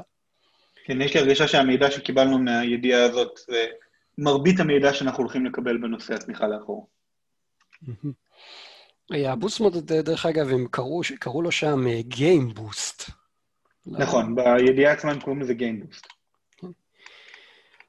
עוד דבר שפורסם שם, אה, פורסמה רשימת המשחקים שלא נתמכים בכלל בכלל אה, בפלייסטיישן 5. נכון לעכשיו הרשימה הזאת כוללת, לשמחתנו הרבה, רק עשרה משחקים מתוך ה-4,000 פלוס שקיימים לפלייסטיישן 4. זה כמובן ידיעה מאוד מאוד משמחת. כן, עשרה משחקים זה לחלוטין נופל תחת ההגדרה של פחות מאחוז אחד, כמו שסוני אמרו. אז אה, כן. אני שמח שזה אכן המצב. נקריא את הרשימה? זה גם לא רק זה, זה כולם משחקים איזוטריים כאלה. נראה לי הכי מפורסמים שם זה uh, Shadow Complex Remastered, רובינזון uh, The Journey ל-VR מאיזושהי סיבה, ו-Hitman Go Definitive Edition. כל שאר המשחקים שם זה משחקים שאני אפילו לא יודע מה הם. כן, אני רק אקריא ככה בזריזות את הרשימה. יאללה, לך. משחק בשם DWVR, אין לי מושג מה זה, אפרו סמוראי 2, Revenge of the Kuma, Volume 1, TT Isle of Man, Ride on the Edge 2, Just Deal with It, Shadow Complex Remastered, Robinson the Journey, We Sing, Hitman Go Definitive Edition, Shadwen וג'וז דיינר. אני גם, הרבה מאוד מהדברים פה, בקושי לבטא אותם, אני יודע, אז בטח שאני לא מכיר אותם. וכיאה לסוני הרשימה לא ממוינת אלפביתית. כן. אבל הם אמרו שבחנות יהיה רשום בצורה מפורשת playable only on PS4, אז לפחות אה, אני מקווה שלא יהיה בלבול בנושא. כן, לפחות זה. אה, דבר, אוקיי, הדבר הבא, ניתן להעביר משחקים ושמירות מהפלייסטיישן 4 הישן באמצעות מה שהם קראו לו שם Wi-Fi Data Transfer. אה, מה זה בדיוק אומר? השערות שלנו, אם יש לכם פלייסטיישן אה, 4 בבית וקניתם את החמש, ואתם מעוניינים לעשות uh, העברה של המשחקים שלכם ישירות מהקונסולה של 4 ל-5, אז סביר להניח שיש שם איזה משהו שיעבוד על הרשת הביתית שלכם, או וי-פיי, או על, גם סביר להניח שגם בצורה קווית, ופשוט יעביר את המשחקים בין הקונסולות. כן, אז זה מזכיר לי מאוד את מה שהיה עם הפלייסטיישן 4 Pro. אני לא יודע אם לך יצא לעשות את זה, אבל אני קניתי PS4 Pro בלי למכור את ה-PS4 האורגינלי שלי. אותו דבר. והיה? אה, בתפריט היה אופציה מיוחדת של migrate, של להעביר את כל המידע מאחד לשני, וזה התבצע על ידי חיבור כבל רשת ישירות בין שני המכשירים. נכון, נכון, אני זוכר את זה. אז אה, זה מאוד מאוד מריח לי דומה, רק שפה הם מדברים על וי-פיי, אז כנראה שזה יהיה איזשהו ad-hoc connection ישיר בווי-פיי בין שני המכשירים, שבו הם מזהים אחד את השני ואומרים שלום שלום, ומוודאים שזה אכן מכשיר מקורי עם קושחה מקורית, ועל ה firmware האחרון, ורק אם כל התנאים האלה עומדים, אז הוא מעביר לך את המשתמשים ואת השמירות ואת המשחקים. כאשר המשחקים זה לא בדיוק בעיה, כי אתה יכול להוריד אותם ישירות ל-PS5, או יכול להיות אפילו שאתה יכול להעביר אותם עם כונן חיצוני, שזה הבולט הבא שלנו שב-PS5 אפשר לשחק משחקי PS4 מכונן חיצוני, אבל אנחנו לא יודעים אם יש דרך אחרת להעביר את השמירות חוץ מהדאטה טרנספר. וזה אומר שמי שמכר את ה-PS4 שלו כהכנה לזה שהוא קונה PS5, יכול כנראה להגיד שלום לשמירות שלו. כן, זו באמת אה, שאלה טובה, אבל לדעתי אה, אין מצב שזה לא יקרה. אין מצב, לא יכול להיות.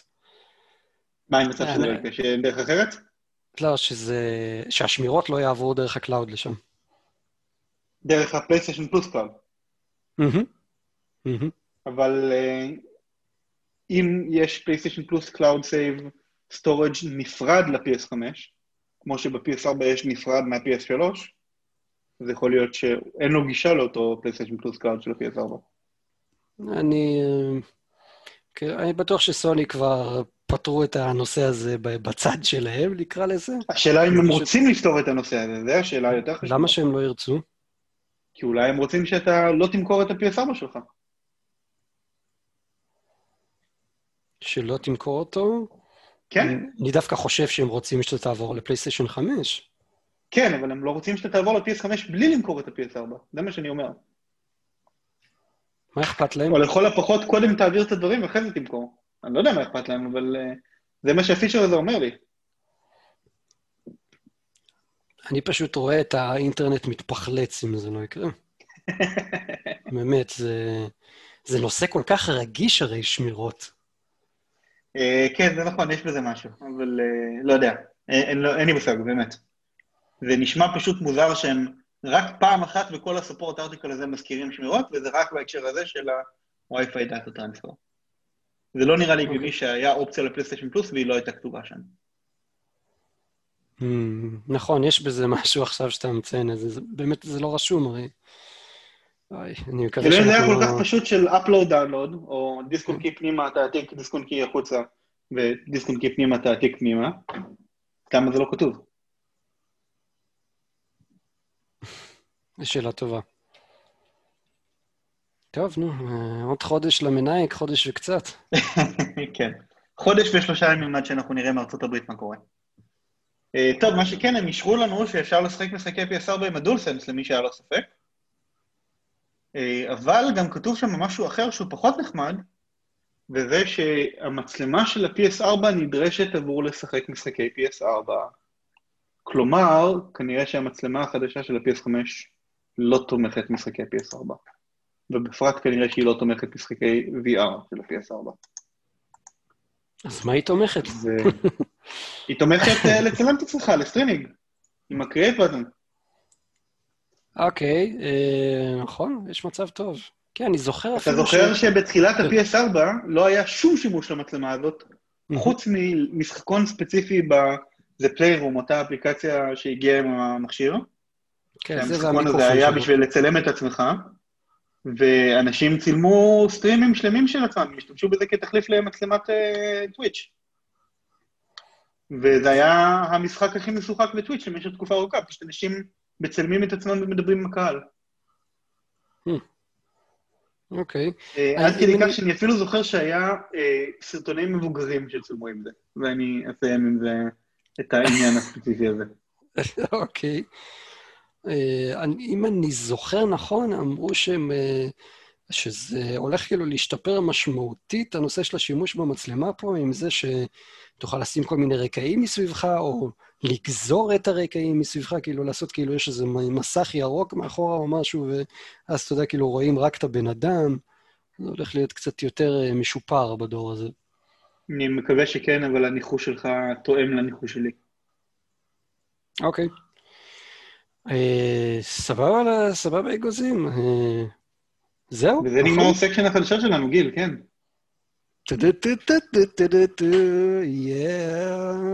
אנחנו צריכים להמציא משהו משלנו ולהפסיק לגנוב כן, בפני כן, זה- למרות שזה ממש כיף להשתמש בזה. לגמרי. אני מבין את גרג מילר, אבל זה פשוט כיף. כן, כן. אנחנו, בטח, אני אחשוב על משהו כבר, להשתמש בזה. אה, פינה אחרונה וחביבה להיום. נקסט על המסך שלנו, דברים ששיחקנו, משחקים ששיחקנו בשבוע האחרון. אני אתחיל. אה, אני שיחקתי וורמס באטלגראונד, ולמען האמת שיחקתי את זה יחד עם, עם ליאור, יותר נכון אה, נגדו. אה, למי שתוהה לעצמו, ליאור הושפל קשות, עד עפר. מה? ממש לא נכון. יא חתיכת חרטטן. זה מה שאתה אומר? ככה אתה מציג את זה? אני צוחק, אני צוחק, רציתי לראות אותך, איך אתה מתפוצץ פה לרגע. אנחנו שיחקנו שני סיבובים, ואחד ניצחת. אחד אני ניצחתי. כן, זה היה אחד אחד אחד. ויורשה לציין שבסיבוב שאני ניצחתי, ההפרש היה גדול יותר. כן, כן, זה, זה נכון. נכון, בסיבוב השני ש, שאני ניצחתי, אתה עשית שם שטויות על ימין ועל שמאל. כן, לא ברור לי מה מה עבר עליי באותו רגע. כן, אבל uh, anyway, אז uh, Worms Battleground uh, זה עדיין Worms, uh, כמו כל שאר המשחקי תולעים. Um, אני לא יודע אם יש לו איזה חידוש או משהו שאין לשאר המשחקים. לא ראיתי שם איזה משהו שאני לא מכיר מהמשחקים הישנים, הדו-מימדיים. אני חושב? שהחידוש שמה זה הנושא של הקלאסים. יש לתולעים עצמם קלאסים של אה, תולעת שהיא יותר טנק, תולעת שהיא יותר ספורט ותולעת שהיא יותר סטלס כזה. לא אה, בדיוק נכון, סטלס, שהיא נכון, יותר אה, אנחנו... זריזה. כן, וזה נזכרתי שאנחנו משנה את לקחנו... אה, כמות החיים שהם מתחילים איתם ואת סוגי הקפיצות שיש להם. Mm, נזכרתי שבאמת. שאנחנו לקחנו את, כל התולעים אותו סגנון, נכון? כן, כי אני תיארתי לעצמי שלא שיחקת במשחק קודם, אז. העדפתי לא להלאות אותך בפרטים שלא יעניינו אותך במיוחד. אוקיי, עשית בחוכמה. בסדר גמור. כן. יאללה. מה אתה שיחקת השבוע, ליאורי? אז אני טחנתי השבוע את המשחק שהתחלתי בשבוע שעבר, שזה Crash Bandicoot 4, It's About Time. אה, סיימתי את המשחק, את הסיפור, אה, למרות שהוא היה מייגע מאוד. תקשיב, אני מאוד מאוד אוהב Crash Bandicoot, אני, יש לי פלטינום בכל הטרילוגיה של ה-Insane Trilogy, אה, עוד לא ב-CTR לצערי, אני צריך מתישהו לחזור אליו, אבל Crash Bandicoot 4, עד כמה שהוא טוב ב gameplay, הם פשוט החליטו להתעלל בשחקן ברמות מזעזעות ב... כל הנושא של הקופסאות. אה, אני אזכיר למי שלא מכיר, או למי ש... אני אסביר למי שלא מכיר, בכל משחק קראש בנדיקוט תמיד יש אה, כזה יהלום שאתה מקבל בסוף שלב, שאתה מקבל אותו רק אם השמדת את כל הקופסאות שנמצאות בשלב. ובדרך כלל יש כמה קופסאות שהן קצת פחות ברורות לעין, אתה יותר צריך לחפש אותן, אבל פה הם לקחו את זה, בוא נגיד, מ... עם Crash Bandicoot 1 של ה Insane Trilogy, או Crash Bandicoot 3 של ה Insane Trilogy, הם רמת קושי של 5 או 6 למצוא את הקופסאות מתוך 10, אז פה זה 11 מתוך 10. הם פשוט שמים לך קופסאות שמוחבאות מתחת לפלטפורמות של בונוס שזזות אחר כך, או מאחורי עצמים שאתה לא יכול ללכת ימינה, אתה לא יכול ללכת למעלה ולמטה בכל הסגמנט הזה, אבל רק בנקודה ספציפית אתה כן יכול ללכת למעלה, ואז ללכת ימינה מאחורי משהו ולמצוא שם קופסה, שאתה לא רואה אותה. אתה רק יכול להרגיש אותה אם אתה מרביץ לה עם הסיבוב. וזה פשוט התעללות. אז uh, לשמחתי, עכשיו שסיימתי את המשחק הראשי, אני מרשה לעצמי להשתמש בסרטוני יוטיוב בשביל לראות איפה הקופסאות החבויות, ובתקווה שאני אצליח גם לעשות את הפלטינום החולני של המשחק הזה, כי הם החליטו שגם צריך לעשות את כל ה platinum time trials, כלומר, בכל שלב צריך להיות כמעט כמו המפתחים ברמה שלך במשחק, ולעשות אותו במהירות בזק. כיף, כיף, כיף.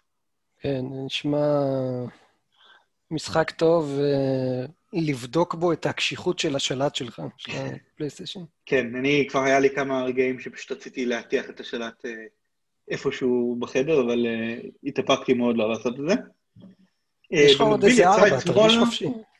יצא אתמול, יש לי, אני חושב, שבעה שלטים כרגע. אל תשאל אותי למה. יצא לך מה? יצא לי אתמול לשחק ב Fall Guys season 2 שיצא. אה, אוקיי. אבל Fall Guys season 2, מסתבר, זה לא באמת Fall Guys season 2, הם שיקרו לנו. זה Fall Guys season אחד וחצי, כי הם אמנם איפסו לך את הניקוד והוסיפו כמה שטויות לחנות, אבל 90% אה, מהזמן אתה מקבל את המצבי משחק הקודמים. מתוך איזה 30 סיבובים ששיחקתי אתמול, שזה יוצא משהו כמו 5 או 6 פרקים במרכאות, אני חושב, ראיתי רק אחד מהמסכים החדשים. ולא יודע איזה מין season זה, שאתה לא רואה בכלל תוכן חדש, אה, אותי זה לא הרשים במיוחד.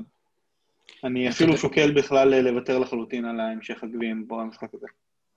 אתה יודע שזה מזכיר לי בדיוק את כמה סשנים הבודדים שלי היו עם המשחק הזה? אני כל הזמן ראיתי את אותם אה, שלושה שלבים. כל הזמן. לא, תראה, בסיזן אחד יש, יש משהו כמו 15 שלבים, ובאמצע העונה הם גם הכניסו נושא של וריאנטים, כלומר, על אותם 15 שלבים, אתה רואה כל מיני שינויים קטנים. שיש נגיד אה, מקפצה נוספת, או שחלק מסוים בשלב טיפ-טיפה שונה, או שנופלים עליך פירות במקום כדורים, או כל מיני דברים בסגנון הזה. אז הווריאנטים האלה הוסיפו הרבה אה, מלח למשחק, הרבה כיף. אבל יחד עם זה, לקבל שוב פעם את אותם 15 שלבים, למרות שיש ארבעה או חמישה חדשים, זה ממש באסה, למה לא לפחות שימו איזשהו מצב משחק שבו אתה משחק רק את השלבים החדשים? אני לא, לא ברור לי מה הסיפור. אני בטוח שמשהו שם באלגוריתם של הרנדומייזר שלהם, שבוחר את השלבים, אה, דפוק. יכול להיות. אה, אבל מה שכן, הם הוסיפו אופציה חדשה של לבחור לעשות אה, רק שלבי גונטלט. כלומר, יש כזה show סלקטור, אתה יכול לבחור במקום רנדום על כל השלבים, לעשות רנדום רק מקטגוריה מסוימת, וזו קטגוריה מתחלפת פעם בשבוע. אוקיי. Okay. אה, סבבה. אה, היה אמור להיות לנו במקור עוד אה, את, ה, את, הכותרת הבנה נקסט על המסך שלכם, שזה מבצעים שאנחנו מוצאים בדרך כלל ברשת, אבל לא היו מבצעים חדשים השבוע. אז... כן, באופן ממש מפתיע, כמעט כל כן. שבוע יש איזשהו סייל חדש ב-PSN, ודווקא השבוע אין כלום. אז בזה מסתכם הפרק שלנו, פרק מספר 8. Uh, תודה רבה שהאזנתם איתנו, מקווה ששרדתם uh, עד פה. חברים, שוב אני רוצה לבקש, אם יש לכם איזה פידבקים, משהו, אה, שאלות אולי שהייתם רוצים להעלות, שנענה עליהם בזמן השידור, כל מיני דברים כאלה, טענות, מענות, uh, אנחנו מאוד נשמח לשמוע. לגמרי. ו... וזה אפילו תרגישו חופשי לעשות מסאג' uh, ישירות לגיל ולכתוב לו מה חשבתם. אם בא לכם. אם בא לכם. זה. זה היה ליאורי, אה, תודה, תודה רבה שהיית איתי, אחי. תמיד, גיל. יאללה. ומאזיננו היקרים, עד שבוע הבא, תמשיכו לשחק. יאללה, ביי.